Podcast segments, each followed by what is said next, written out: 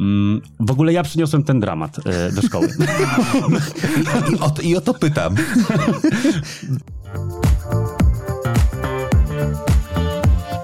Ludzie zawsze będą gadali i będą gadać, więc ja się tym w ogóle nie przejmuję. Ja mam w sobie też wewnętrznego krytyka, a po co jeszcze wam słuchać tych naokoło?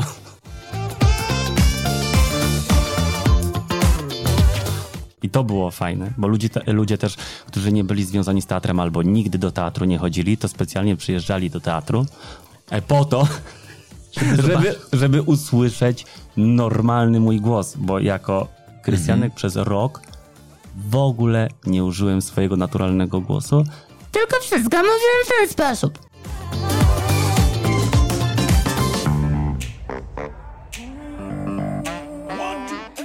Dziękuję Ci bardzo, że słuchasz mojego podcastu. Bardzo Cię proszę o drobną przysługę oceń moją audycję. To ma wpływ na pozycjonowanie w rankingach. Twój głos ma dla mnie bardzo duże znaczenie. Zapraszam do wysłuchania kolejnego odcinka.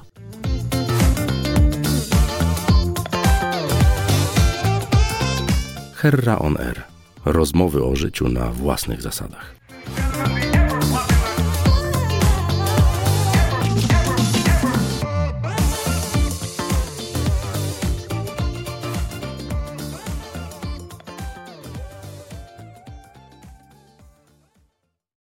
Heroner.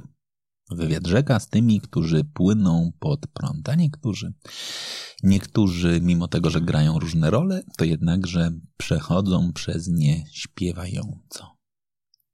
To chyba mój największy stres. Był taki moment w moim życiu, że myślałem o tym, żeby może jednakże spróbować swoich sił i zacząć startować do szkoły teatralnej lub filmowej, ale miałem świadomość tego, że jak powiedziała moja pani od muzyki. Pani Śleszyńska, jeżeli to słycha, słycha, to teraz ci to wypomnę. Jak zaśpiewałem Rotę, powiedziała ty masz głos jak z dupy włos, gruby, krótki i nieczysty. Siadaj dwuja. I nigdy więcej nie zaśpiewałem. Tak, taka, takie traumatyczne doświadczenia z szkoły podstawowej. No dobra. Wyjaśniając od razu, waszym gościem jest Kamil Krupicz. Dzień dobry. Dzień dobry. Bardzo fajnie, że w ogóle zacząłeś od pani z podstawówki, No. bo moja, e, moja historia zaczęła się właśnie od pani z podstawówki, Która zrobiła co? która zrobiła to, że uświadomiła mi i moim rodzicom, że mam słuch. I tak to się wszystko zaczęło. A ty masz słuch? Podobno tak. No dobra, ale ty, ty dużo śpiewasz. Mm, Dużo śpiewam, tak, bo gram w musicalach, więc Mhm. y, jakby to się samo przez siebie się rozumie, że no jakoś ten słuch musi być na dobrym poziomie. A dlaczego musicale? E, Ja od dziecka zacząłem grać w musicalach, jak miałem 8 lat, więc e, w tym roku właśnie stuknie mi 25-lecie na scenie muzycznej, musicalowej. A dlaczego ten musical? No bo zaczęło się właśnie od śpiewania, od e, pani z podstawówki, która uświadomiła mi i rodzicom, że e, warto może w tę stronę pójść, bo ja chodziłem do szkoły sportowej, Mhm. Ty trenowałeś? e, gimnastykę sportową trenowałem. Więc to Wow. też się przydało. To masz turbo bazę, jeśli chodzi Ja- o musical. E, Mój dyrektor w Teatrze Varieté zawsze powtarza, że aktor powinien śpiewać, e, tańczyć, jeszcze do tego być cyrkowcem, więc e, no, te skille też mam. Jesteś cyrkowcem? Nie, no ale potrafię różne sztuczki ze swoim ciałem zrobić, więc nie sprawia mi to jakoś trudności. Ile w twoim graniu jest talentu, ile ciężkiej pracy? Mm, no na pewno ciężko pracuję, Mhm. A talentu myślę, że 50-50. Że je, musi być choć odrobina talentu, żeby potem e, to szlifować, to rzemiosło, więc e, myślę, że to też ciężką pracą było wszystko zrobione. Mhm. Polska lubi musicale? Lubi. I to widzimy w, no, po widowni, bo na musicale jest zawsze frekwencja prawie 100%. Mhm. Niekoniecznie na inne dramatyczne spektakle, a Mhm. na musicale bardzo często brakuje biletów. I co kręci twoim zdaniem widza w musicalu? Myślę, że to jest po prostu rozrywka, że Mhm. to jest muza, muzyka na żywo, orkiestra, e, taniec, śpiew. No jest to bardzo barwne zawsze widowisko, więc e, to ludzi urzeka. Nie tylko tekst, ale piosenki w trakcie spektaklu. Myślisz o karierze poza Polską? Wiesz co, jak byłem młodszy, to myślałem, a Proste teraz... pytanie, Broadway. Czy, czy, czy Broadway to jest to miejsce, które jest w sferze marzeń? E, nie, już wyrosłem z tego marzenia. Wiesz, e, skupiam się na Polsce. W sensie e, dawno tam zaniedbałem ten angielski, żeby on był na takim poziomie e, no, godnym wystąpienia na scenie i przede wszystkim ja myślę po polsku. Mhm. Więc to jest ta bariera, która mnie no, trzyma i nie pozwala mi iść dalej, w sensie do innego kraju, grać w innym języku. Ale mógłbyś grać Polaka. No mógłbym, ale ile jest e, spektakli?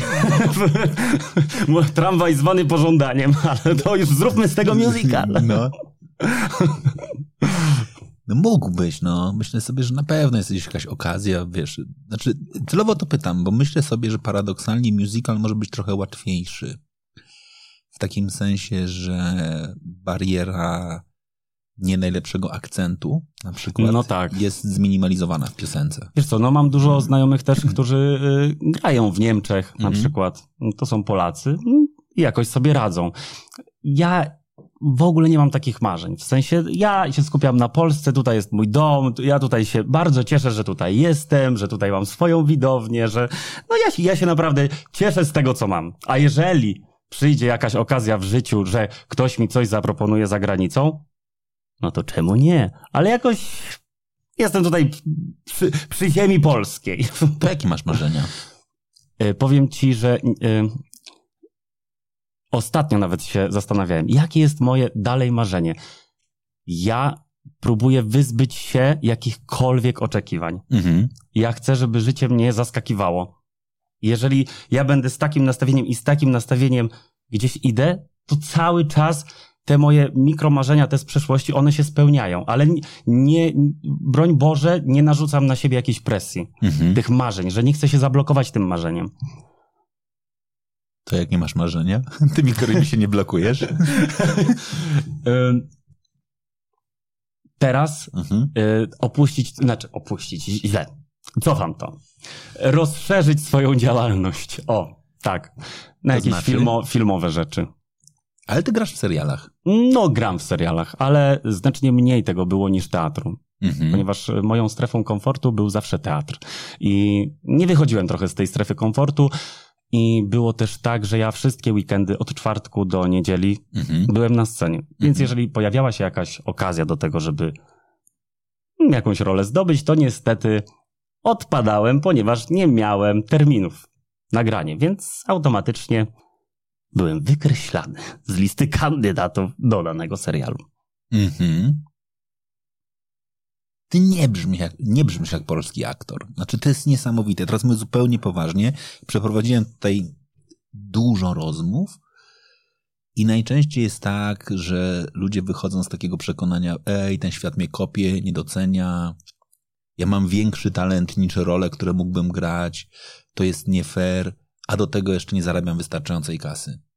A ty wchodzisz i od furtki wieje optymizmem i Ale- pogodą ducha. Bo ja taki jestem i ja, ja się cieszę naprawdę z każdego dnia. Ja jak wstaję rano, od razu ja sobie parzę moją kawusię i od razu mam banana na twarzy. Naprawdę, ja się cieszę z tego, co mam, w jakim miejscu jestem i to e, w ogóle, w którą stronę idzie i kariera, i moje życie takie normalne.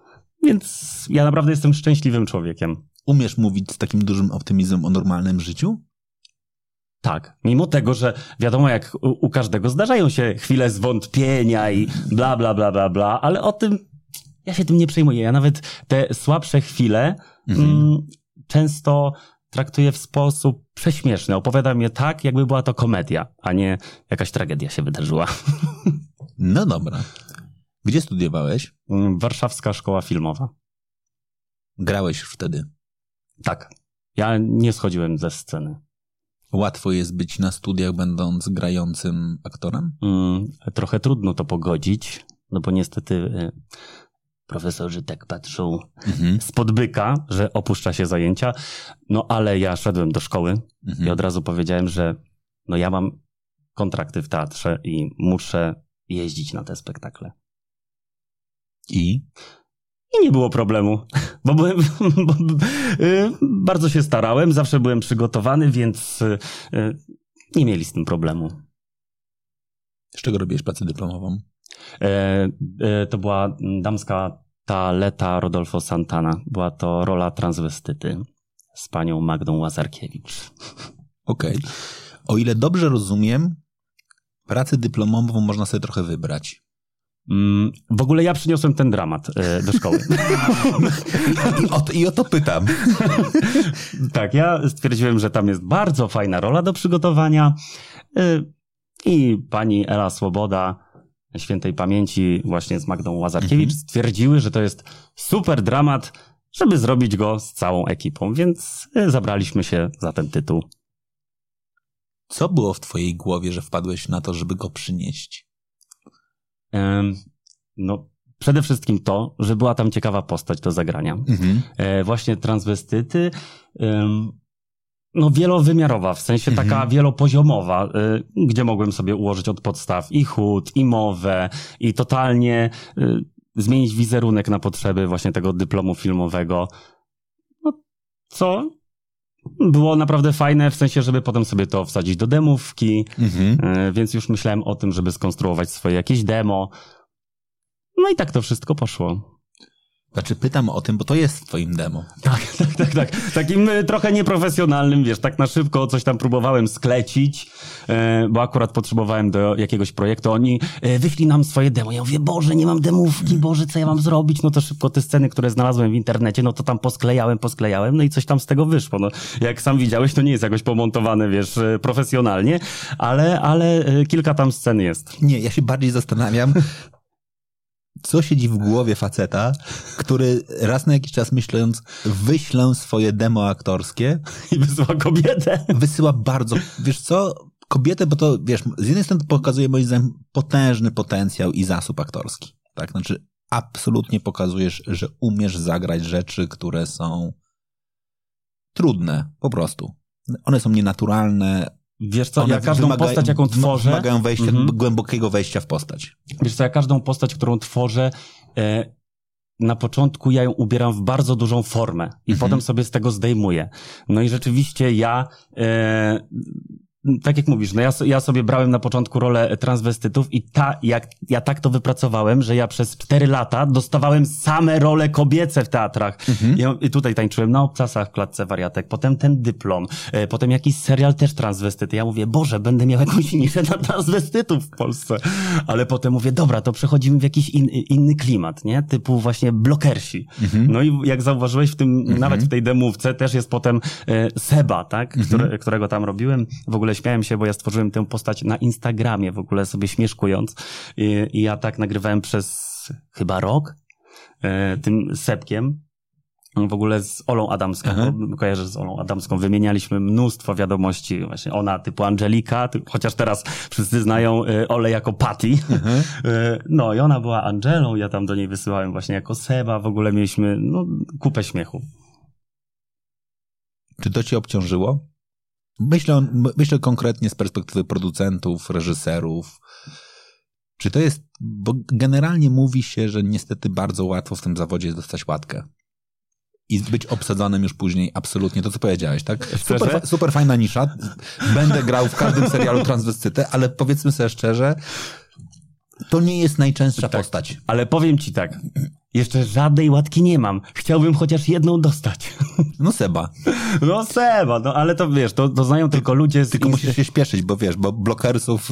Tak, już jest dużo, tak, już... plus, wychodzisz poza wiek, niestety. Coraz, coraz, Dokładnie, ale y, y, nie, myślę, że jeszcze nie dostałem żadnej łatki. Myślę, że y, ta postać akurat, którą stworzyłem, tego Sepka, no to, to jakby sp- społeczeństwo instagramowo-internetowe kojarzy tę postać, ale nikt szerzej. Nie chcę zdradzać, ale tutaj nie, pewnie tam się zaznajomiłeś, gdzie teraz jestem, w jakim programie. Y, No i tam y, pojawi się ta postać y, chwilowo. Czekaj, czekaj, czekaj. Ja się zaznajomiłem, ale dobra, w jakim jesteś programie? Hell's Kitchen, piekielna kuchnia. No, i będziesz, będziesz gotował jako Seba? Mm. Dobra, nie masz tego powiedzieć. Nie- nie mogę tego nie, powiedzieć. Nie było tego pytania. Czy, czy jest prawdopodobieństwo, że w, w programie Piekielna Kuchnia będzie Blockers? E, możliwe, że tak, możliwe, że tak, że, że przyjdzie pogotować. Ale czad. Nie, nie powiedziałem tego. Ale, ale, fajnie, Ale fajnie by było, jakby przyszedł. też będę się cieszył na pewno i gość zaproszony również. Jak trafiłeś do tego, do programu kulinarnego? E, dostałem zaproszenie Mhm. przez Instagram, ale nie swój prywatny, tylko w pandemii trochę mi się nudziło ze swoim partnerem Błażejem. E, Założyliśmy takie konto, na którym gotowaliśmy fit potrawy. Mhm. No i tam dostaliśmy wiadomość e, o castingu. I ta wiadomość leżała w spamie dwa miesiące. Po dwóch miesiącach ja już byłem tr- sfrustrowany trochę, że nic się w moim życiu nie dzieje. Ja się nudzę, ja jestem w tej strefie komfortu, jestem w tym teatrze, cały czas dzieje się to samo, ja wszystko znam. Ja mówię, co, kiedy coś się wydarzy w moim życiu takiego, co mną tak wstrząśnie. Ja chcę jakiegoś wstrząsu, ja chcę poczuć, że żyję, że wiesz, że świat się otwiera, że, że wiesz, że sajba, że... No i w końcu ta wiadomość. Ale do czego? Nie było napisane. I ja mówię, ty, Błażej, dostaliśmy jakąś wiadomość na Instagramie y, z zaproszeniem na casting.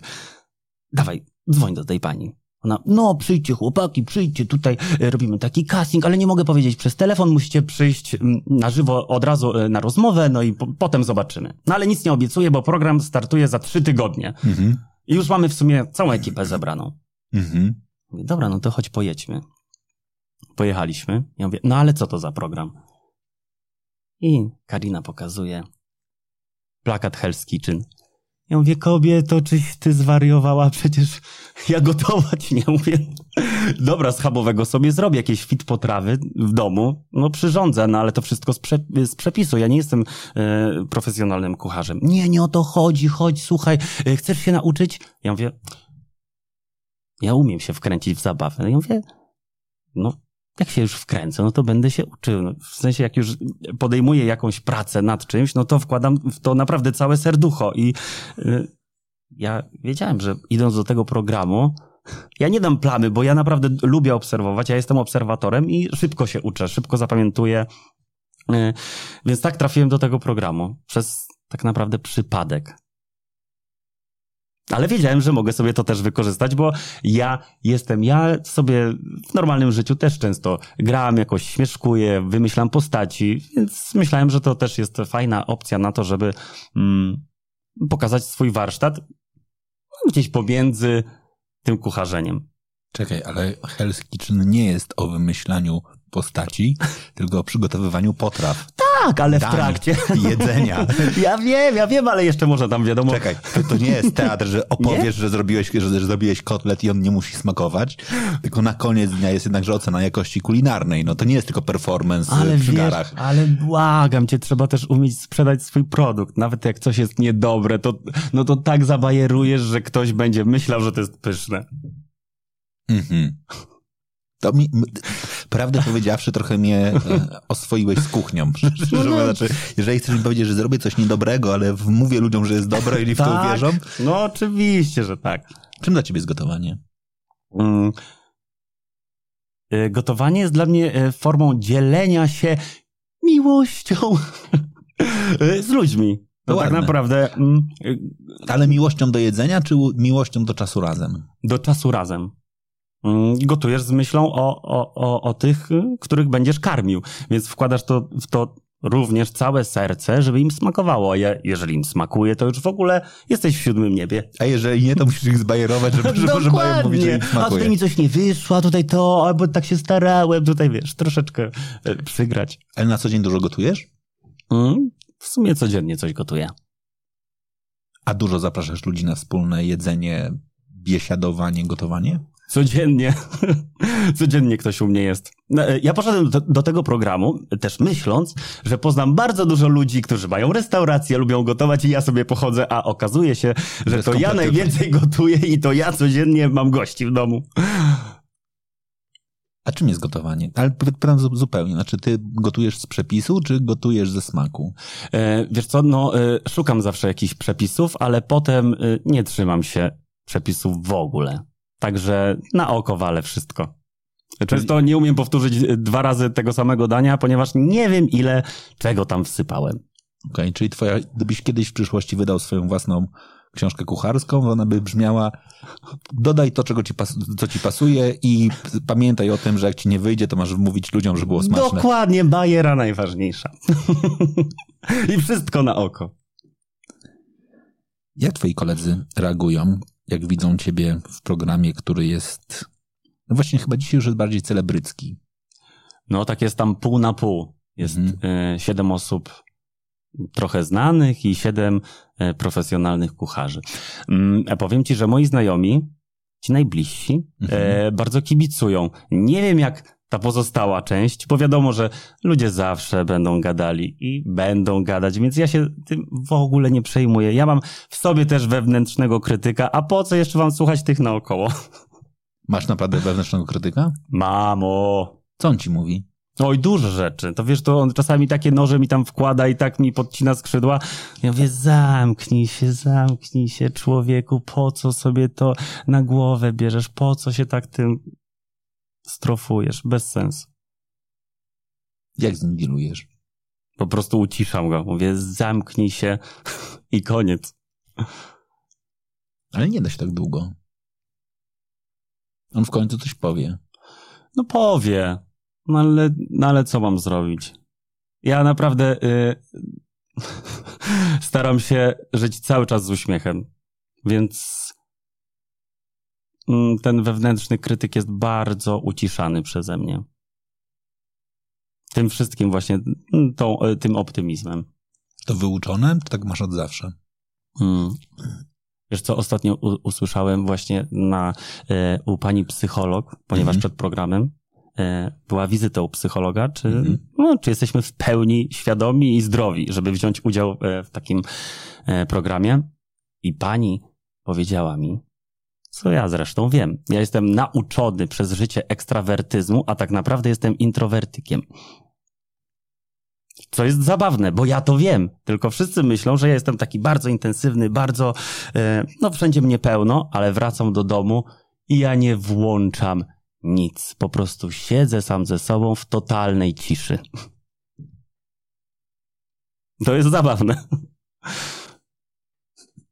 Śmieję się teraz, bo jakiś czas temu e, zrobiłem swój introwertyczny coming out. Znaczy, faktycznie napisałem e, publicznie w mediach społecznościowych, że dokładnie, dokładnie te słowa, które w tej chwili powiedziałeś, że możesz też się przyznać, bo ludzie myślą, że jestem bardzo e, ekstrawertyczny z uwagi na zawód, który wykonuję. E, ale nie, to jest dokładnie tak, że jestem w stanie wyjść w moim przypadku na scenę profesjonalną, ale profesjonalną nie aktorską, tylko biznesową, zrobić wystąpienie, pewnie czasem energetyczne, ale im jestem starszy, tym bardziej odkrywam, że to mnie dużo kosztuje. Znaczy, że ja naprawdę Mhm. im z biegiem czasu coraz więcej potrzebuję tego czasu w samotności, żeby zebrać tyle energii, żeby na zewnątrz wyglądać na gościa, który jest y, turbo ekstrawertyczny, uśmiechnięty, optymistyczny, ale później jest ten moment, kiedy muszę wejść dokładnie, co ty powiedziałeś. Otworzyć książkę, Mhm. zregenerować się i odkryć. To w ogóle ładne, że o tym mówisz, bo wiesz, jaki jest w dużej mierze problem tego wyuczonego ekstrawertyzmu, że ludzie w to nie wierzą. Mm, że to jest wyuczone. W sensie, że my wracamy do domu Tak. i potrafimy No bo, jak, cicho. no bo jak wracamy cicho, to, nas, to, to nikt nas nie widzi, a widzą Mhm. nas tylko w tych, w, Tak. tych, w tych obszarach, w których jest. Ja, ja się tego obawiałem właśnie w tym pro, e, w programie, bo to jest reality show. To Mhm. jest 24 godziny na dobę. I ja wiedziałem, że ja przez cały czas, ten Mhm. okres będę pod kamerami, więc Mhm. ja cały czas będę tam ekstrawertykiem. Wiesz, to będzie dla mnie jakiś kosmos, no bo ja nie będę miał chwili dla siebie. Mhm. Non stop będą ludzie, ja nie będę miał tam chwili ani konta tylko dla siebie. I? No tylko tego się bałem. Bałem się tego i bałem się tego, że będą tam ludzie, którzy e, no, no a nie, nie, nie będą przychylni albo Mhm. będą y, y, bardzo przemocowi. Mhm. I? Mm. Tak, z moim ekstrawertyzmem wyuczonym dałem radę, Okej. chociaż po programie byłem bardzo zmęczony. Bardzo. Mhm. Także e, no zbierałem się chyba z dwa tygodnie, żeby Mhm. tak dojść do siebie, bo byłem po prostu wymęczony. E, A okazało się, że w programie byli sami naprawdę fajni ludzie, więc, więc nie miałem się czego obawiać. Bo oglądając wcześniejsze e, edycje, w sensie nie, nie całości, tylko jakieś zajawki, Mhm. widziałem, że tam bardzo na siebie krzyczeli. I to Mhm. mnie odstraszało, bo tam padały jakieś przekleństwa, e, wyzwiska. E, Tam kilka razy się zdarzyło na kuchni, że ktoś do siebie brzydko powiedział, więc mm, ja interweniowałem. Naprawdę? Tak. że mi się to bardzo nie podoba, że bardzo mm, ta nowa edycja jest taka, że jednak prowadzimy dialog ze sobą w, z szacunkiem. No i było kilka osób, które mm, łamało tę- tę zasadę, więc e, ja zawsze powiem też, e, co mi leży na sercu i zawsze jednak swoje zdanie wtrącę. Kiedy coś będzie nie po mojej myśli. Ale naprawdę masz taką odwagę tego, żeby pilnować reguł szacunku? E, Zawsze. Mm, Jak widzę, że ktoś kogoś nie szanuje albo w pracy, mm, no gdziekolwiek, to ja, ja zawsze zareaguję. Zawsze obronię e, tego mniej silnego. Mhm. Mm, No i przede wszystkim, no, no szczerze, jak jest szacunek, to praca zupełnie inaczej wygląda. Tak jest y, na zachodzie. Tak Mhm. wszędzie jest na zachodzie, że tam podchodzi się do pracy z wielkim szacunkiem. I miałem przyjemność pracować y, z ludźmi ze Szwecji, Mhm. e, którzy no, jeździli po całym świecie i e, ustawiali spektakl Mała Mia Mhm. jak oni przyjeżdżali na próby, to był zupełnie inny lot. Z szacunkiem do człowieka. E, jakby generowali taki poziom energii w nas, Mhm. e, swoim nastawieniem i, i, i swoim uśmiechem i tego, w którą stronę to ma pójść, te e, e, sceny aktorskie, czy, czy wokale, czy taniec, tak nas nastrajali, że bardzo miło się pracowało. A niestety czasami w Polsce jest tak, że to wszystko e, robi się niestety z przymusu, krzykiem, Mhm. no takim, no już tutaj była aferka ostatnio, Mhm. jakimiś mobbingowymi rzeczami, Mhm. Mm, co totalnie nie jest w moim stylu, ani no nie chciałbym pracować w takich warunkach. To jak ty się utrzymujesz w polskiej sztuce? W polskich teatrach? Bo to, kurczę, znaczy mówisz o pięknych rzeczach. Ja marzę o tym, żeby ten świat tak wyglądał, ale mam też z tyłu głowy, że ta w cudzysłowie polska szkoła motywacji brzmi To się zmienia. jak go pierdolę przed wejściem Mhm. na, na, na deski, to na pewno wy, wy, wy, wzbije, Tak, tak. się na wyżyny i będzie, No z, właśnie, będzie, naj- będzie z uśmiechem grał. To największa głupota, bo ktoś zestresowany Mhm. nigdy nie da z siebie 150%. No, y, będzie zablokowany, y, nie będzie mógł wykrzesać tych emocji, które powinien Mhm. wykrzesać w danej scenie. Moim zdaniem to się y, teraz w tym momencie zmienia i bardzo dobrze, że o tym cały czas się mówi, Mhm. bo ludzie, ci mobbingowi też się boją, Mhm. więc y, jednak starają trzymać się w ryzach. To piękne. Ty jesteś takim optymistycznym fajterem o szacunek, no. Mm. No. Też, ale no. Nie, no ja chcę, żeby to wszystko przebiegało naprawdę w fajnych warunkach. Za każdym razem, jak podejmuję jakąś pracę, bo ja mam szacunek do siebie i do innych. To tak samo no, i tego samego wymagam. No, w stosunku, nawet jak patrzę na inne relacje, tak, w pracy między ludźmi. Mhm. To o jakiej roli marzysz?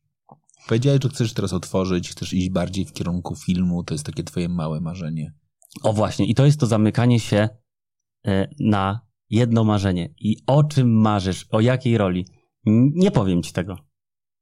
Ja chcę, żeby to mnie zaskoczyło. Ja chcę przede wszystkim po prostu pracować. Tak jak do tej pory, tylko e, z tym rozszerzeniem na seriale jakieś e, fajne i, i, i filmy.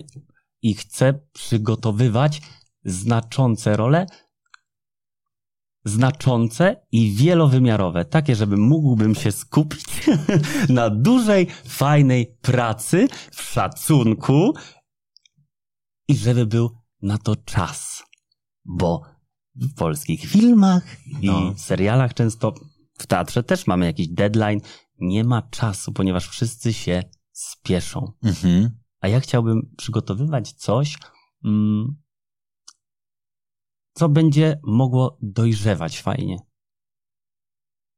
Żeby razem, razem z reżyserem mm, próbować sobie różnych opcji, żeby były ustawienia scen. To mi się marzy, żeby to nie było wszystko robione tak mm, po łebkach, tylko żeby to było naprawdę fajnie i godnie zrobione. O! To jest moje marzenie. Myślę, że to, się jest, to- jeszcze jest możliwe. Znaczy, pytam trochę o to, bo jak rozmawiam z wami, w sensie z aktorami, z producentami, to często pojawia się taki temat pod tytułem platformizacja, czyli wejście Netflixa, Mhm. HBO, Disneya, wszystkich po kolei platform i tak dalej, i tak dalej. Ona z jednej strony jest bardzo pozytywna, bo produkcji jest Mhm. więcej, bo nagle okazało No tak. się, że z tych głównych producentów pojawiło się z, z trzech kiedyś, Mhm. dzisiaj kilkunastu. Ale wyścig jest tak szybki, że zaczynamy no, trochę, trochę gonić własny ogon. Znaczy, że nagle okazuje się, że na produkcję nie ma roku, tylko jest kilka tygodni.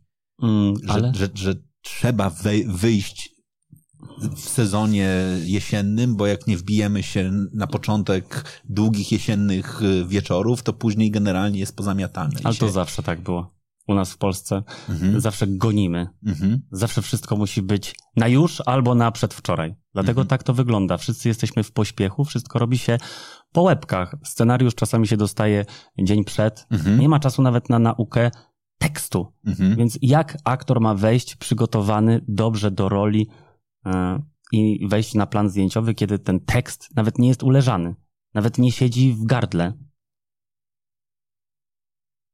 To jest, to jest niewykonalne. W sensie to, to, to, to jest kuriozalne dla mnie. kuriozalne. Basta! Basta. No to... Ale niestety, no, no trzeba się do tego przyzwyczaić. Jakby ktoś przyjechał z zagranicy, jakiś aktor i by to zobaczył, to myślę, żeby zszedł na zawał. Mhm. Co to jest znacząca rola? Mm. Mm. Która wchodzi w świadomość ludzi, która zostaje tam głęboko, która porusza, która bawi. Mm. No, która jest zauważona mm, przez pracę. Mhm. To gdzie jest różnica między znaczącą a kultową? Znaczy, staram się to Mhm. trochę zobrazować na poziomie tego, co cię kręci. znacząca i kultowa. No, hmm. No właśnie, tutaj do, do, bardzo dobre pytanie, ale pozwól, że się chwilkę zastanowię. Kurde, bardzo ciężkie pytanie. Znacząca i kultowa. Znaczy, trochę pytam o to, bo jak ja miałbym sobie to definiować, to dla mnie kultowa to jest taka, która jest dokładnie wspominana, Mhm. Która funkcjonuje pewnie, nie wiem, w obiegu takim codziennym, czyli że umiemy cytować tą postać, że jej teksty No tak, tak. wchodzą do rzeczywistości. I to jest dla mnie kultowa, a znacząca to jest ta, która zmienia, która powoduje, że... Life changing. Tak, że zmi- zmienia No tak. sposób myślenia, że mnie zainspirowała, rozwinęła. Mm, no tak, no jest taki przykład na przykład e, Krysi z Misia, tak? Krysin Podleski. Mhm, Jest to kultowa postać, mhm, Ale właśnie tak jak ty powiedziałeś, czy ona jest znacząca? Mm, No, nie można stwierdzić, czy jest znacząca, ponieważ chyba mm, ja, ja znam prywatnie mhm, mm, panią Krystynę, ale jakby to nie, nie, nie była life changing, po prostu Mhm. została, e, zo, zo, zo, została ta rola po prostu kultową, ale nic nie zmieniła w życiu mhm, aktorki. Po prostu jest wspominana z Mhm. wielkim sentymentem mhm. przez wszystkich. No właśnie, tak jak mówisz, bardzo jest bardzo dobrze wyjaśnione. A znacząca rola to taka, y, która może zmienić twoje życie, w sensie otworzyć ci może mm, mm, następne furtki, następne drzwi. Mhm, Tak jak y, miałeś wywiad z Mateuszem. mhm. To jest znacząca rola. Jeszcze nie wiadomo, czy kultowa, no bo y, nie minęło zbyt wiele czasu. Ale E, już, ale już ale myślę, tak. nawet Mateusz mówi, że jakby faktycznie jest czasami cytowany, więc No tak, no ja- jakby się... jest odzew, ale lata pokażą, czy rzeczywiście to się jakoś do, do kultowych ról e, przedrze i wszyscy Mhm. będą to wspominali e, z tak wielkim sentymentem. E, Na pewno jest to znacząca, bo pokazał ludziom, Mhm. że naprawdę koleś potrafi się tak przygotować do roli i pod względem fizycznym, psychofizycznym, bo tam Mhm. no, widziałem ostatnio ten film. E, Mhm. E, oglądając, e, e, słuchając e, twojego wywiadu, włączyłem sobie Furiozę. chwilę potem furiozę. Zobaczymy, zobaczymy. Tak, i mówię, zobaczę. No więc to była znacząca rola, bo pokazał wszystkim, że nie jest to tylko ładny chłopiec z Mhm. komedii romantycznych, tylko naprawdę potrafi coś zagrać. No. I chwała za to, że ktoś dał mu taką szansę. Ja bym chciał, o, moje marzenie jest takie, żeby ktoś dał mi szansę popracować. O, Mhm. nad czymś fajnym. Bo, bo właśnie taka rola byłaby o, takim marzeniem, bo to jest e, rola wielopoziomowa, e, wielowymiarowa, Mhm. totalnie jakby nie w, ja tak nie wyglądam, ale też bym chciał się przygotować. Też Mhm. chciałbym mieć czas na coś takiego. Tak jak mówisz, że tutaj o, gonią te wszystkie produkcje, raz, raz, raz, szybko, szybko, szybko. Mateusz nie zrobiłby tego bez czasu. Absolutnie nie. Mm. Znaczy, swoje na skakance wyskakał, Dokładnie. swoje na siłowni powyciskał. Więc ja bym chciał. To, to jest moje marzenie. O, ja sobie teraz wymyśliłem u ciebie marzenie. Ja bym chciał właśnie mieć czas, dostać takie, taką możliwość i żeby ktoś mi zaufał w stworzeniu wielowymiarowej postaci. A jaka to będzie postać? Obojętnie. Mhm. Jak wygląda codzienne życie aktora? Tak naprawdę, y, jeżeli nie ma prób, to w miarę spokojnie. Mhm. Chociaż ja nie daję sobie e, chwili, spokoju, e, chwili spokoju, ponieważ ja codziennie chodzę. e, Powiedziałem ci zresztą, jak wszedłem, że dzisiaj również byłem na treningu crossfitowym i codziennie zaczynam trening, dzień od treningu. Mhm. Bo muszę gdzieś tam tę energię mm, pozbierać. Mhm. Okej. Ale ile wy spędzacie na próbach? Ja pytam totalnie poważnie z perspektywy człowieka, który często patrzy na aktorów, myśląc sobie, hmm, w sumie to fajna robota, o 19 przyjdą, pewnie muszą wejść o 18, żeby trafić, przygotować kostium, pomalować się, 19 zagrają, 21 do domu. W sumie to fajna Mm. robota, no. Może, może, może weekend, zer, znaczy w sensie wieczór zarwany, ale w sumie to, to nic trudnego. Wiesz co, to jest fajna robota dla mnie, bo uwierz mi, że ja uważam, że jeszcze w swoim życiu nie przepracowałem ani godziny naprawdę i mówię to z czystym sumieniem, bo ja uwielbiam to, co robię, więc Mhm. oczywiście zdarzają się też takie dni, że przychodzę do teatru i mówię, o Jezu, jak mi się nie chce, a dzisiaj bym sobie odpoczął, dzisiaj bym sobie poleżał, ale cieszę się, że jestem tam i że jestem z tymi ludźmi, bo to są naprawdę fajne wariaty Mhm. ale dzień wygląda następująco. Jeżeli mamy próby do spektaklu, to zazwyczaj one trwają trzy miesiące. Mhm. I wtedy sześć dni w tygodniu mamy próby 10, 14, 18, 22. I zazwyczaj to jest 8 godzin tańca dziennie, ponieważ są to musicale. Mhm. I niestety najgorzej zawsze wypada choreografia, bo trzeba wszystko zsynchronizować, czyścić, więc tych prób jest najwięcej. Więc to jest praca fizyczna. I tak przez trzy miesiące, wiadomo, tam się przeplatane razem z wokalem, ze scenami aktorskimi, ale jest to dosyć ciężka praca. Potem przychodzą spektakle, no i tutaj już tak jak wygląda kontrakt. No to albo na 50 spektakli, albo na 100, albo na rok, albo na dwa. No to zależy jak, jak wygląda licencja. No i wtedy przyjeżdżasz raz, dwa razy w miesiącu i jest taki set czwartek, niedziela mm, i zawsze przed takim setem mm, spektakli jest próba wznowieniowa, która trwa od 10 do 14 i od razu o 15 zaczynają się make-upy. Siadamy na krzesła i czekamy do 19 na rozpoczęcie spektaklu. No a potem piątek, już bez próby, przychodzimy na godzinę 16, 3 godziny przed, malujemy się, czekamy, rozgrzewamy i spektakle. No i to samo w sobotę, w niedzielę. No i, i tak to wygląda. To to bardziej przypomina życie sportowca niż e, instagramowego celebryty. Dokładnie, ale ja wie, wychowany w szkole sportowej, to ja naprawdę rzadko czuję zmęczenie, więc ja jestem do tego przyzwyczajony.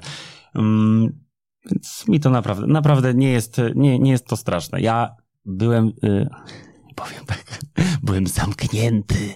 Byłem e, w Romie przez trzy lata Mhm. i graliśmy codziennie ten sam spektakl. Sześć razy w tygodniu, podwójne soboty, podwójne niedziele. Zagrałem e, tego, e, e, zagrałem to 600 razy 587 dokładnie. W trzech nie zagrałem, więc to dopiero była orka. W, tak mm, powiem szczerze, że w życiu bym tego nie powtórzył. Raz mi wystarczyło. 600 razy to samo 6 dni w tygodniu Tak. plus 2 dni podwójnie? Mhm. Tak. 7-8 spektakli w tygodniu. Codziennie to samo. Jak się wychodzi z takiej roli? Znaczy py, pytam, co, to- znaczy ty, taki moment pod tym, że dobra, jesteś już moim zdaniem tak mocno osadzony, że jak, To jak, już- jak, jak- Się, jak się spotykasz ze znajomymi, to przecież grasz, grasz postać, a nie siebie. Ja już nie, ja już nie wiedziałem, ja po miesiącu Mhm. myślałem, że ja sobie palnę w łeb i ja mówię, na co ja się zgodziłem. No ale jak powiedziałem A, no to już dokończę ten projekt. Ale, ale było ciężko, powiem ci. Że ten pierwszy miesiąc, no to rzeczywiście tam mi wszedł do głowy strasznie i mówię, Boże, kochany, jeszcze odsiadka dwa i po... Nie no, no, no prawie trzy lata. Więc rzeczywiście to ta- traktowałem trochę jak więzienie, bo jeden tytuł. Teraz mam fajnie, bo teraz sobie pojeżdżę po Polsce, Mhm. e, do Wrocławia, do Krakowa. No jest fajnie. Ja bardzo sobie to cenię, że zmieniam cały czas e, miejsce zamieszkania. Mhm. Chciałbyś być po drugiej stronie? I nie mówię o stronie widza, mam myśl po stronie producenta, reżysera. Czy w ogóle kręci cię spojrzenie z drugiej strony? Czy myślisz na przykład o własnej produkcji kiedyś? Mm, wiesz, czasami takie myśli są, aczkolwiek e, mm, to jeszcze nie ten etap i nie ten etap myśli Mhm. mm, na ten temat. Mm, Ja jeszcze mam dużo e, do zrobienia fizycznie. W sensie je, jestem sprawny, chciałbym działać i, i, i na tym skupiam swoją całą energię, a, a nie na tym, co w przyszłości bym chciał na przykład wyprodukować. Ale e, takie jakieś rzeczy w głowie się pojawiają, że kiedyś chciałbym zrobić jakiś spektakl. Pracować, już e, nawet sobie czasami myślę, z kim bym chciał współpracować, Mhm. mm, kto by robił muzę, Mhm. e, kto by robił choreografię, Mhm. jakby to wyglądało. No, no, czasami tam są takie myśli w głowie. Mm, Czasami jak są próby, no to wiesz, czasami y, siadam sobie, nie, ja bym to zrobił inaczej, ja bym zrobił to tak. Mm, O to trochę chciałem spytać, dokładnie, bo, bo chciałem spytać, czy czasem pojawia się takie myślenie pod tytułem ej, nie, to, to, to, idzie, to idzie nie tak, to można, to można byłoby zrobić lepiej. No wiadomo, że tak, no ale nie zwraca się uwagi. I co z tym robisz? Znaczy mówisz o tym, że masz pomysł, że można byłoby to zrobić lepiej, czy tam sobie myślisz... Do, do kogoś? No. Nie. Ja nie zwracam y, nikomu uwagi. Ja mam tylko uwagi do siebie. Zresztą to jest, y, tego mnie też uczyli w szkole. Mhm. Skup się na sobie. Jakby ty masz jeszcze dużo do wypracowania, więc raczej y, skup się na tym, co, co ty masz zrobić, a nie instruuj partnera na scenie. Więc tego się trzymam i nie wchodzę w nie w swoje rzeczy. To pomaga? Mm. Pomaga, no na pewno nie rodzi konfliktów. Mhm. No bo jednak w e, wchodzenie w kompetencje e, drugiemu człowiekowi, Mhm. aktorowi, Mhm. mm, może być bolesne. Mhm. Mm, No wiadomo, że to są odciski, więc e, jak reżyser zwraca uwagę, no to to jest inny poziom uwagi niż zwrócenie, u, u, u, zwrócenie uwagi koledze. No, żeby to źle nie zabrzmiało, na tym, na tym samym poziomie, tak? No bo my Mhm. jesteśmy aktorami, my jesteśmy na scenie, więc nie warto tego robić. To, to nie jest fajne. Też Mhm. e, na przykład jak widzę młodszych kolegów, to Mhm. y, mogę im coś podpowiedzieć, jak do mnie przyjdą. Co Okej. myślisz? Okej. Mm, Jakbyś to zrobił? No to daję im jakąś, y, daję im wskazówki, ale sam z siebie, mm, kiedy wiem, że może jeszcze nie są na tym etapie świadomości i mogą to odebrać jako mm, nieprzychylny komentarz, co nie jest nieprzychylnym komentarzem, jest kwestią tylko powiedzenia czegoś, a może spróbuj tak, no to Mhm. oni często biorą to do siebie, jakoś inaczej mm, przetrawiają te wszystkie rzeczy. Ja też taki byłem, więc jak ktoś podchodził do mnie i zaczynał mi zwracać uwagę, a był to kolega mm, w moim wieku albo rok starszy, no to często mi się po prostu robiło przykro, bo myślałem, że coś jest nie tak. Mhm. Brałem to do siebie i, i się dziubałem tam. Boże, co ja robię? Nie, może to nie tak. Tutaj za dużo myśli w głowie. Solo. Myślisz o różnych formach samodzielnego występowania? Monodram. E, Myślałem. Tylko chciałbym, żeby ktoś się jakiś fajny napisał, bo ja nie umiem pisać. E, monoram na przykład... e, No jest kilka, pewnie. Obstawiam, że jest kilka napisanych. No Jak- tak, no tak, jakbyś ale trochę- takich napisanych, ale tam jeszcze wiesz... e, Jak, jakbyś trochę poszukał, to myślę sobie, że byłbyś tak, w stanie coś sobie ściągnąć dla siebie. No, myślę, że tak. No, wiadomo, ale jeszcze ktoś to musi jakoś, e, że tak powiem, zredagować Mhm. na potrzeby sceny. Mm, No, e, był, ja niestety na tym nie byłem, ale e, Bartosz Porczyk, Mhm. E, mąż naszej choreografki Eweliny Porczyk, zresztą Mhm. e, prywatnie siostry Oli Adamskiej, no to on miał monodram i e, niestety nie widziałem tego mon- monodramu, ale podobno wybitny był ten Mhm. monodram. No ja chciałbym coś takiego zrobić, ale też chciałbym mieć kogoś przy sobie, jakiegoś mądrego reżysera, który by w tym wszystkim mnie poprowadził. Bo, bo aktor to nie tylko aktor, ale też Totalnie. na to wszystko się składa dobry reżyser. Znaczy pytam trochę, czy, czy czujesz, że byłbyś w stanie przyjąć scenę solo? Szczerze? Yy, szczerze? Nieskromnie mówiąc, bo, myślę, bo, że możesz tak. mnie okłamać, szczerze mówiąc. Nie, nie, nie, nie podepniemy Ale się nie, teraz no tutaj pod wiesz, wiesz, wiesz co, powiem ci tak. E, szczerze mówiąc, żeby to nie zabrzmiało, że ja tu o ego, ego, ego, ale uważam, że, e, że tak, że dałbym radę. To w ogóle nie jest o ego. To jest moim zdaniem o tym, skąd bierzesz energię. To Mhm. jest na, na ile jakby potrzebujesz do tego, żeby właśnie grać obecności innych ludzi, a na ile Mm. jesteś w stanie wykreować tą atmosferę w sobie i z publicznością. Uważam, że jestem w stanie. Że mam bardzo dużo tej energii. I to e, takiej skupiającej. Ja, e, zre, zresztą, jak wychodzisz na scenę, Mhm.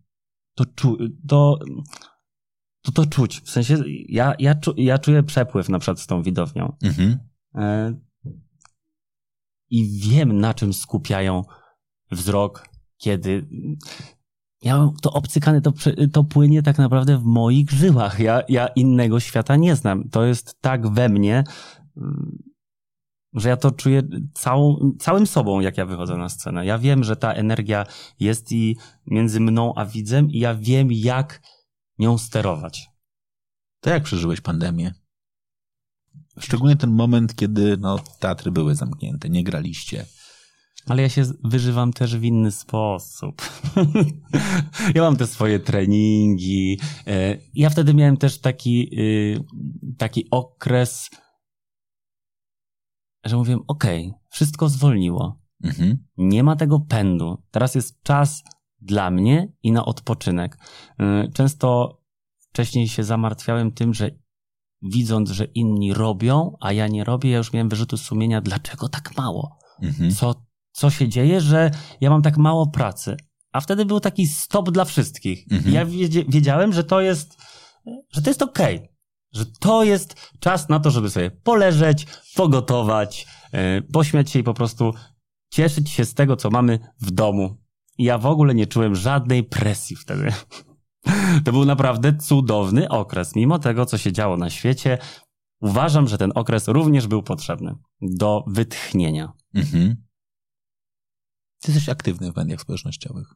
Mm, mm, tak, kiedyś byłem bardziej, teraz, e, teraz mniej. E, kiedyś właśnie te, te postaci tam tworzyłem.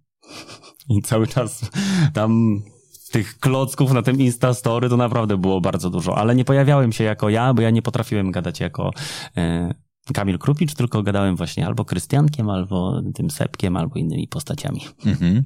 Dlaczego? E, tak jest łatwiej.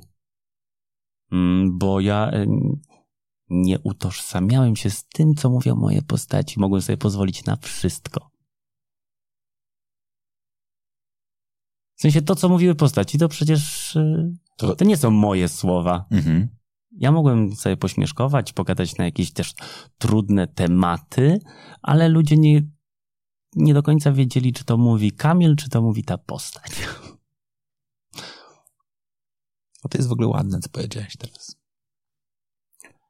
Znaczy, że zbudowanie postaci, która jest narratorem i opowiada nawet o rzeczach ważnych dla ciebie, nawet jest takim sposobem na wyrażenie czegoś, co jest tak naprawdę twoimi słowami, ale jak je ubierzesz w postać, to, to jest bezpieczne. Tak, to było bardzo bezpieczne. Też, y, wiesz, na tym Instagramie też y, wszystko jest takie cukierkowe, ładne, a właśnie te postaci były zupełnie nie w tym klimacie instagramowym, wiesz, to, to było kręcenie od dołu, tu, nieważne jak ja wyglądam, jak ja się czuję, a często, wiesz, no masz tego też Mhm. wewnętrznego krytyka, o Boże, na tym zdjęciu brzydko wyglądam, a na tym tutaj, Mhm. o tutaj mi coś wystaje, tutaj, o Boże, tutaj nie tak warga, tutaj, o tutaj coś widać. Tam miałem totalnie wszystko w dupie, za przeproszeniem. Mhm. Nie interesowało mnie, to, to nie ja mam to Mhm. zdjęcie, to nie mi robi ktoś zdjęcie, czy nie ja wstawiam swoje zdjęcie, tylko to jest zdjęcie Krystianka. I on ma powyginaną twarz, zeza, Mhm. brzydko wygląda, uświniony jest od lodów i co mnie to? I ludzi to, ludzi to urzekało, że to jest takie jakieś swojskie, Mhm. jakieś takie naturalno-swojskie, ale wiedzieli, że to jest postać, ale jakby szli za tym. I to było fajne, bo ludzie, te, ludzie też, którzy nie byli związani z teatrem albo nigdy do teatru nie chodzili, to specjalnie przyjeżdżali do teatru e, po to, żeby, żeby usłyszeć normalny mój głos, bo jako Krystianek Mhm. przez rok w ogóle nie użyłem swojego naturalnego głosu, Tylko wszystko mówiłem w ten sposób. i nigdy nikt nie słyszał mojego głosu. I ludzie specjalnie przyjeżdżali na spektakle, żeby potem się ze mną spotkać, bo byli ciekawi, jak ja normalnie mówię. Mhm. To kiedy będzie postać twoja? W sensie, kiedy dojdziesz do momentu, że będziesz mówił, dobra, to teraz po prostu w mediach społecznościowych pokazuję siebie. Nie siebie w rozumieniu zdjęć, nie siebie Mhm. w rozumieniu ten, tylko zaczniesz, zaczniesz się komunikować na bazie przekonań, poglądów, wartości. Mm, Wiesz, ja nawet e, chwilę temu, to, to, to, to dosyć niedawno, z dwa tygodnie temu wrzuciłem pierwszy raz e, e, posta na temat oceny po okładce i Mhm. jak ja to wszystko widzę i też jak zobaczyłem koleżankę z programu, jak ją oceniłem, w sensie w swojej głowie, bo oczywiście nie, nie wypowiedziałem tego na głos, ale mm, chciałem wszystkim uzmysłowić to, jak oceniamy siebie po, po wyglądzie zewnętrznym, i napisałem o swoich przekonaniach i tam niezła debata się otworzyła. E, Tak samo e, poruszyłem jakieś takie ważniejsze sprawy, jak mobbing w pracy, bo wiesz, e, ten program był kojarzony z tym, że jednak tam no jest dużo przemocy słownej, Mhm. E, nie wiem, czasami dochodziło do e, fizycznej, jest mobbing i ludzie tego oczekiwali, że ten program po siedmiu latach będzie wznowiony na tych samych zasadach. Ja mówię, halo, Mhm. ludzie, mamy, jesteśmy siedem lat dalej. Idźmy w innym kierunku, idźmy w kierunku szacunku. No ty chcesz oglądać ludzi, którzy są tłamszeni przez, e, przez szefa, jakby wyzywani. Mhm. Ja Mówię, chyba nie na tym polega ten świat i nie idźmy w takim kierunku, bo po co? Więc też tam mm, kolejna debata na temat mobbingu. Zrobiliśmy e, live'a e, związanego właśnie z tym tematem, jak to wszystko widzimy z uczestnikami. Mhm. Mm. Więc naprawdę fajne tematy tam się pojawiają No, które, które poruszamy. No, ja przynajmniej chcę uzmysłowić ludziom, że można żyć szczęśliwie, z szacunkiem, e, fajnie się bawiąc. Naprawdę, no to jest. Y, ja to chyba y, też zrozumiałem w programie, jak. Mm, jak działam też na ludzi wokół.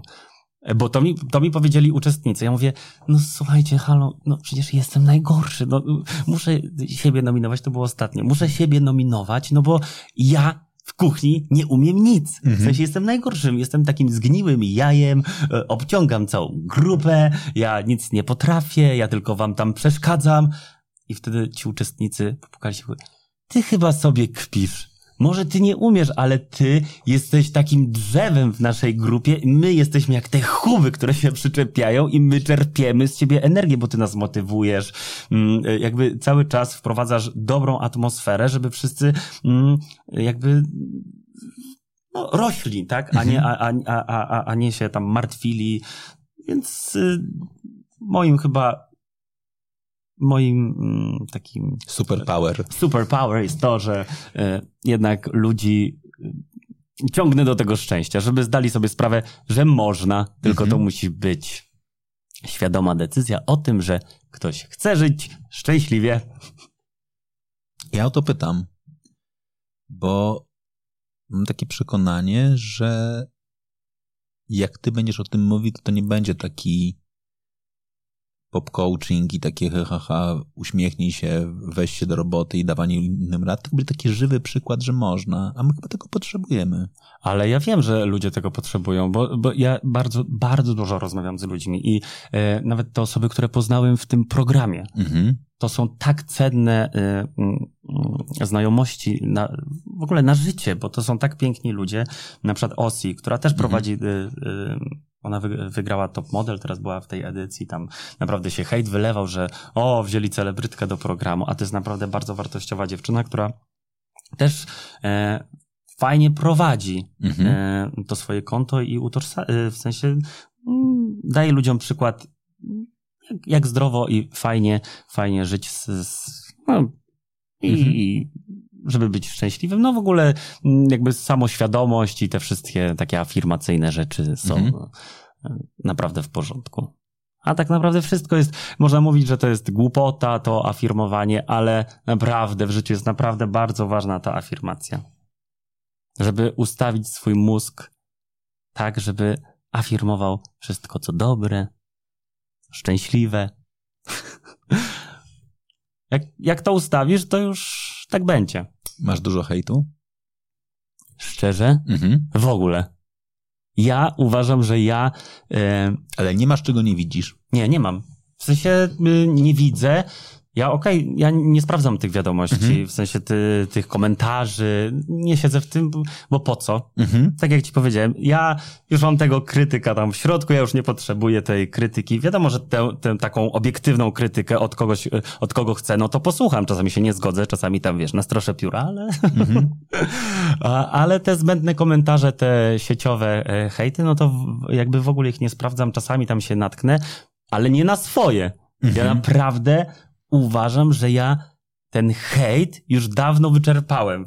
W podstawówce chyba i w gimnazjum cała fala hejtu, jaka na mnie spływała, mm, wyczerpała się. Ja, ja uważam, że ja teraz jestem jak pączek w maśle. że w ogóle mi się nie obrywa za nic. Ja mam jakieś naprawdę same propsy. A co, co miałeś hejt w podstawówce i w gimnazjum? Wiesz co, no to, to się zaczęło od tego, że ja chodziłem do szkoły sportowej. Mhm. No i właśnie ta pani, która mnie wyczaiła, mm, mm, pani od muzyki. Ja w ogóle ostatnio sobie też o niej tak bardzo przypomniałem. e, Grażyna Byczkowska. Mhm. Where are you?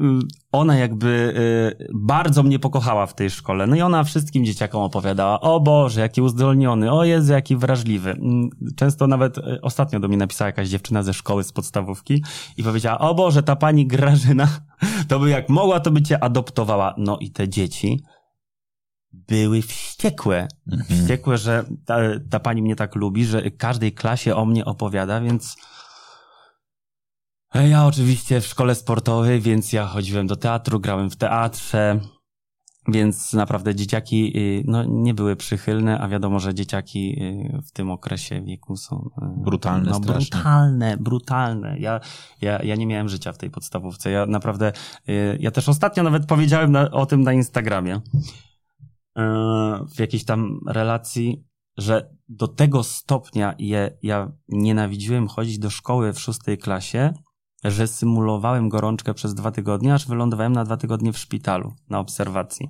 bo tak nienawidziłem chodzić do szkoły, tak mi dawali do pieca, naprawdę. Ale ja uważam, że ten, y, ten czas już minął. Mhm. Jakby to nagle zrobiło takie odcięcie i ja nagle mam same pozytywne komentarze.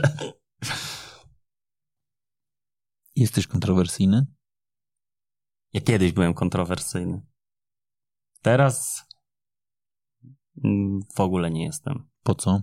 Po co kiedyś byłeś kontrowersyjny? Y, Ja myślę, że to przez. y, y, To nie było celowe. Mhm.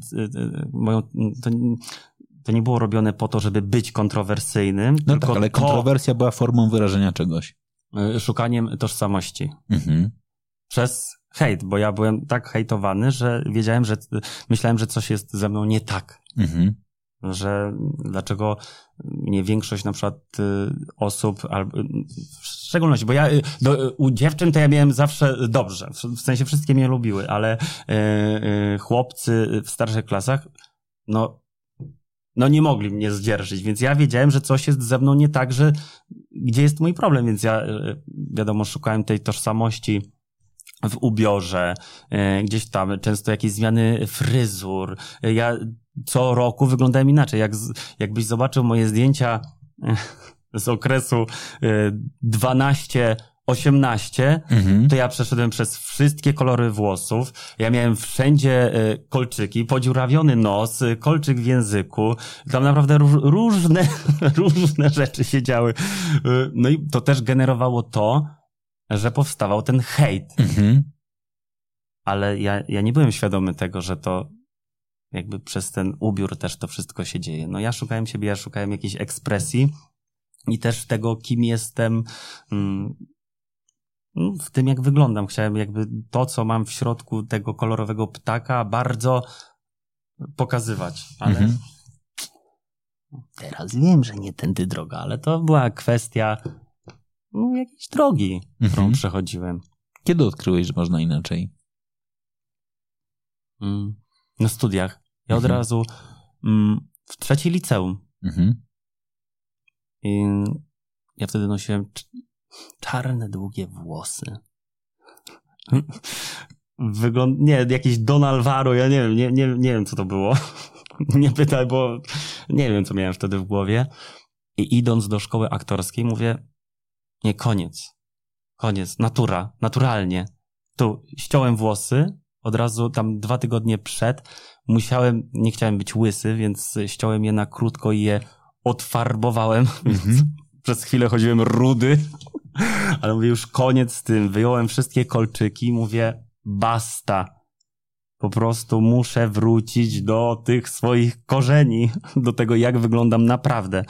Po prostu rozebrałem się z tego wszystkiego i, i za, zacząłem być po prostu sobą, przypominać siebie, Mhm. bo czasami wyglądałem nawet jak Chińczyk. No, tam było, było zabawnie. Co się wtedy zmieniło?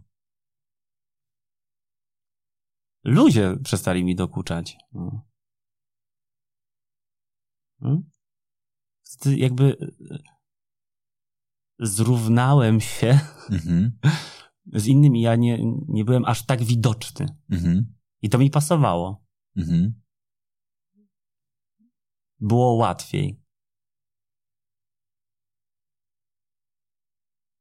Przeszedłeś mocny bunt dorastania? Mm, Czy mocny? No, myślę, że w miarę mocny. Nie pytam, jak wtedy, jak wtedy do tego podchodziłeś i jak dzisiaj o tym myślisz z perspektywy czasu. E, bardzo mocny. Rodzice nie byli tego świadomi, ale przechodziłem e, tak, duży bunt. W środku. Mhm. Mm. No, rodzice, wiesz, zajęci swoimi sprawami byli, więc e, tak nie patrzyli na mnie Mhm. zbyt często. Okej. No ale tam tam bywało no grubo. Co się działo? Czyli, że to na tę audycję. Myślę, że tak. Myślę, że absolutnie tak. Znaczy, znaczy, znaczy, to jest w ogóle ważne trochę, żebym też jakby pokazał ten kontekst. Ja wierzę, że bunt jest jednym z najważniejszych okresów. I w ogóle marzy mi się, żebyśmy my, rodzice, mówię to też z perspektywy swojej jako rodzica, żebyśmy mówili o okresie buntu jako o ważnym okresie, Mhm. a nie trudnym okresie. Moim zdaniem jakby akurat wierzę, że słowa mają znaczenie i jak nazywamy okres dorastania i buntowania się okresem trudnym, to sami sobie z tym nie radzimy, a jak nazwiemy go Mhm. ważnym, to jest w ogóle łatwiej. Powiem ci szczerze. E, Po, po tej fa fali hejtu w podstawówce i w gimnazjum, mm, ja przestałem grać w teatrze, no bo stwierdziłem, że to jest kwestia nadbudowy mojej wrażliwości Mhm. mm, i dlatego pewnie to wszystko się dzieje, że mm, może jestem no właśnie zbyt wrażliwy. Ja Mhm. przestałem y, grać na, na dwa lata. Mhm. No, no, no, no, w pierwszej liceum i w drugiej liceum. W trzecim już, już sobie zdałem, że chcę wracać do tego i ja sobie nie wyobrażam bez tego życia. No ale to, to było odejście z teatru Mhm. i bardzo mocne imprezy. Ale takie imprezy, mm, które zaczęły się w trzeciej gimnazjum, chodząc do Batorego. Mhm. Y, Ja byłem na imprezie wtorek, czwartek, piątek, sobota. I no to, to, to, naprawdę było grube, bo ja wracałem o godzinie trzeciej w nocy z imprezy nawalony jak, Mhm. Jak można być nawalonym jak liceum? można być nawalonym. To były y, też używki, Mhm. nie tylko jakieś tam lekkie. Mhm. No. Ale w, no, właśnie w trzeciej liceum zdałem sobie sprawę, że nie tędy droga i tak nie zajadę zbyt daleko. Mhm. Dlatego jestem też mądrzejszy o to doświadczenie i e, wiem, że nie można tych e, pasji porzucać. No wiadomo, że ten, e, ten okres buntu no będzie zawsze okresem buntu, tylko wa- ważne jest, żeby w porę się obudzić z tego wszystkiego. Mhm. Ja osobiście dziękuję bardzo z, poz- z poziomu widza, że się obudziłeś, że wróciłeś do teatru. E, myślę, że teatr też jest ci wdzięczny.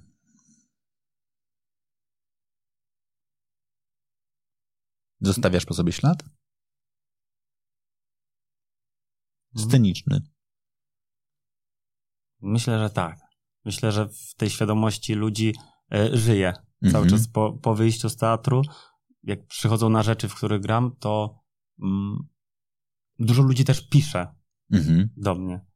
Mm, na przykład jak graliśmy tutaj śpiewaka jazz bandu, tam Mhm. naprawdę były mm, no, takie mocne sceny, które też były takie bliskie mojemu sercu. Akurat takie bliskie temu, co działo się w moim życiu. I ludzie przeżywali to ze mną. W sensie to, to było tak mocne, że ludzie do tej pory wspominają ten spektakl. A żałuję, że go nie wznowimy znowu w tym roku. Dlaczego go nie znowicie? A jak jest zawsze problem, to z czym? Okej, No. rozumiem. Właśnie. Oczywiście, jak zwykle, nie ma Przestrzeni na to. przestrzeni. Dokładnie. Bardzo dobrze powiedział. Przestrzeni ma na to. Musical przetrwa? Jako forma? Mm. Ja jeszcze powiem tak. Ja stricte musicalu nie lubię. Ja lubię spektakle muzyczne. E, musical przetrwa, bo to jest e, rozrywka. Mhm. Jeżeli bilety nie będą szły tak w górę, to przetrwa. To mam nadzieję, że wszystkich będzie stać na to, Mhm. żeby wybrać się do tego teatru.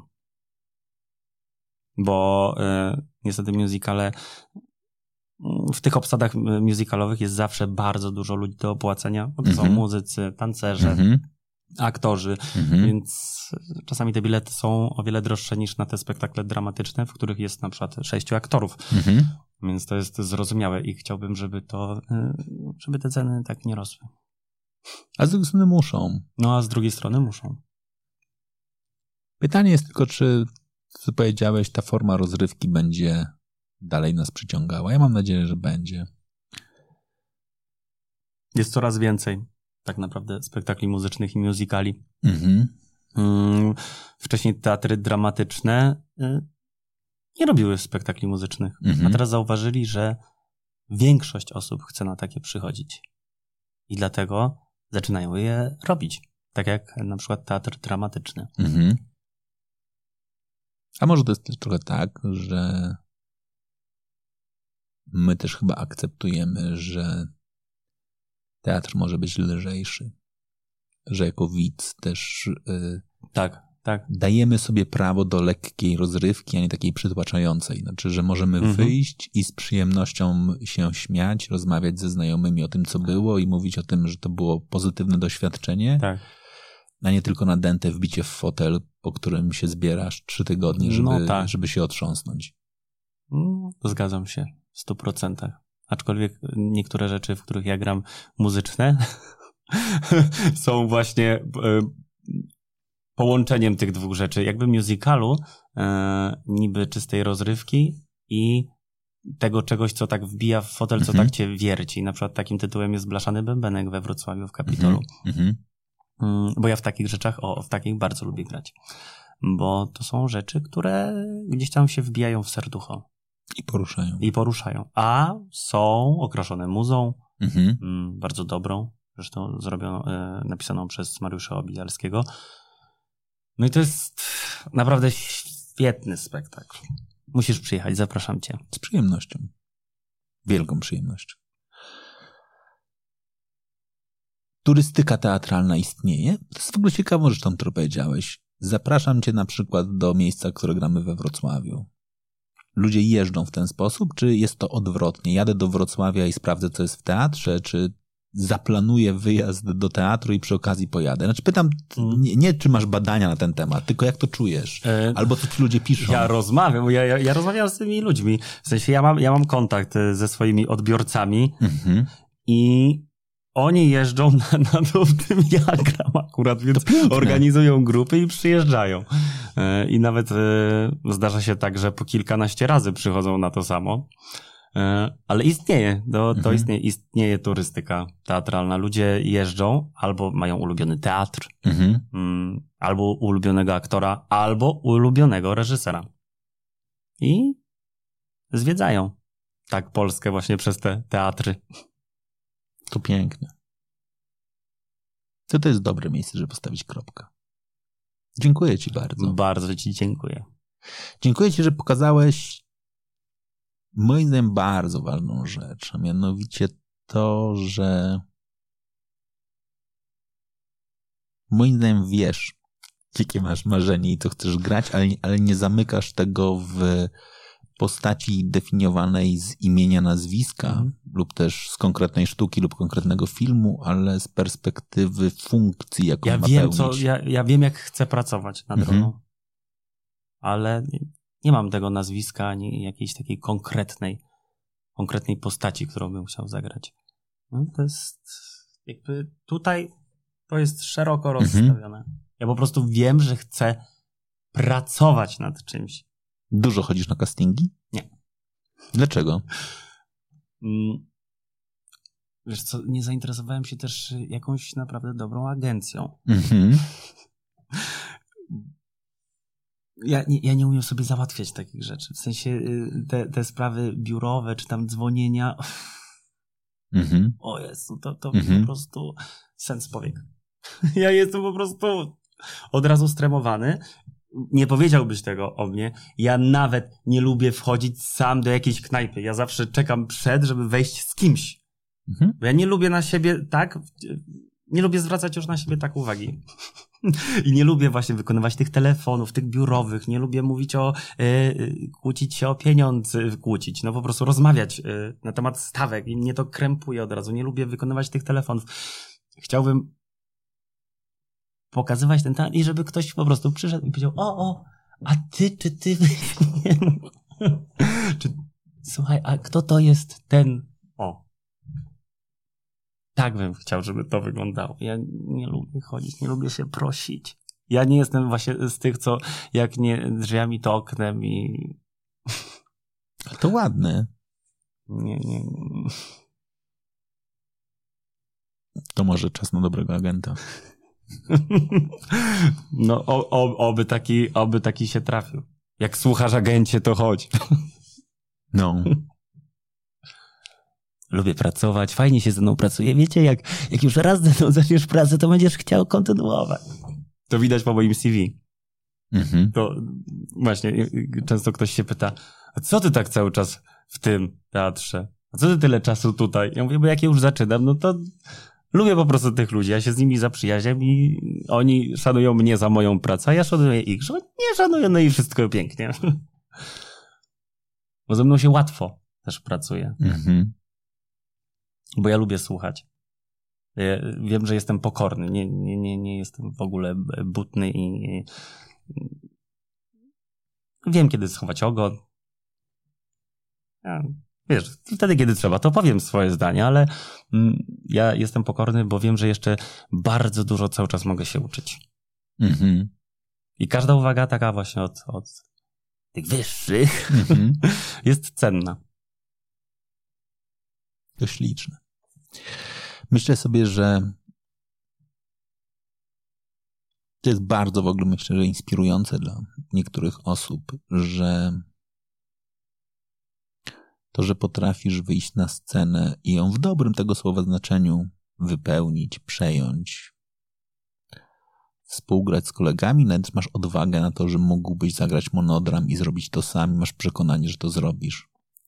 To jest dokładnie ten element w zawodowy i wyuczony sposób umiem zawalczyć o wszystko, co mam do przekazania, o każdą emocję, którą chcę pokazać. Ale jak schodzę, to ja nie jestem ten, który będzie py, py, py, py, pukał i mówił zatrudnijcie mnie, zatrudnijcie mnie, zatrudnijcie mnie.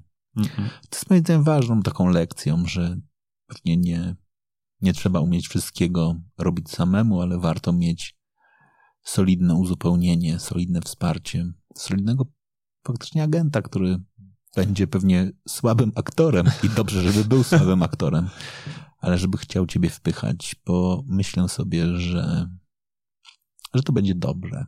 Dobre zarówno dla Mhm. ciebie, jak i do, do, do wszystkich miejsc, w których zostaniesz wepchnięty. Co powiem ci je, jeszcze tak, będąc szczerym, dlaczego na przykład ta piekielna kuchnia? Mhm. Bo to. Bo napisali. Się, bo napisali, bo napisali. Ja bym w życiu się nie Mhm. zgłosił sam. Mhm. Ja bym nie wysłał tam zgłoszenia, ani nie Mhm. zapukał, halo, weźcie mnie, może tutaj będzie jakaś, y, y, tutaj y, taka edycja specjalna. Mhm.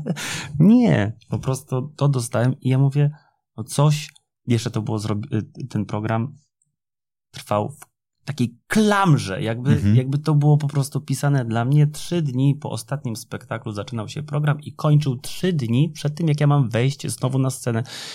Ja mówię, no przecież to jest zrządzenie. Jak ja nie wezmę Mhm. tego, to tak jakbym był głupi, bo przecież no, to wleciało w taką lukę, gdzie to się nigdy nie wydarza.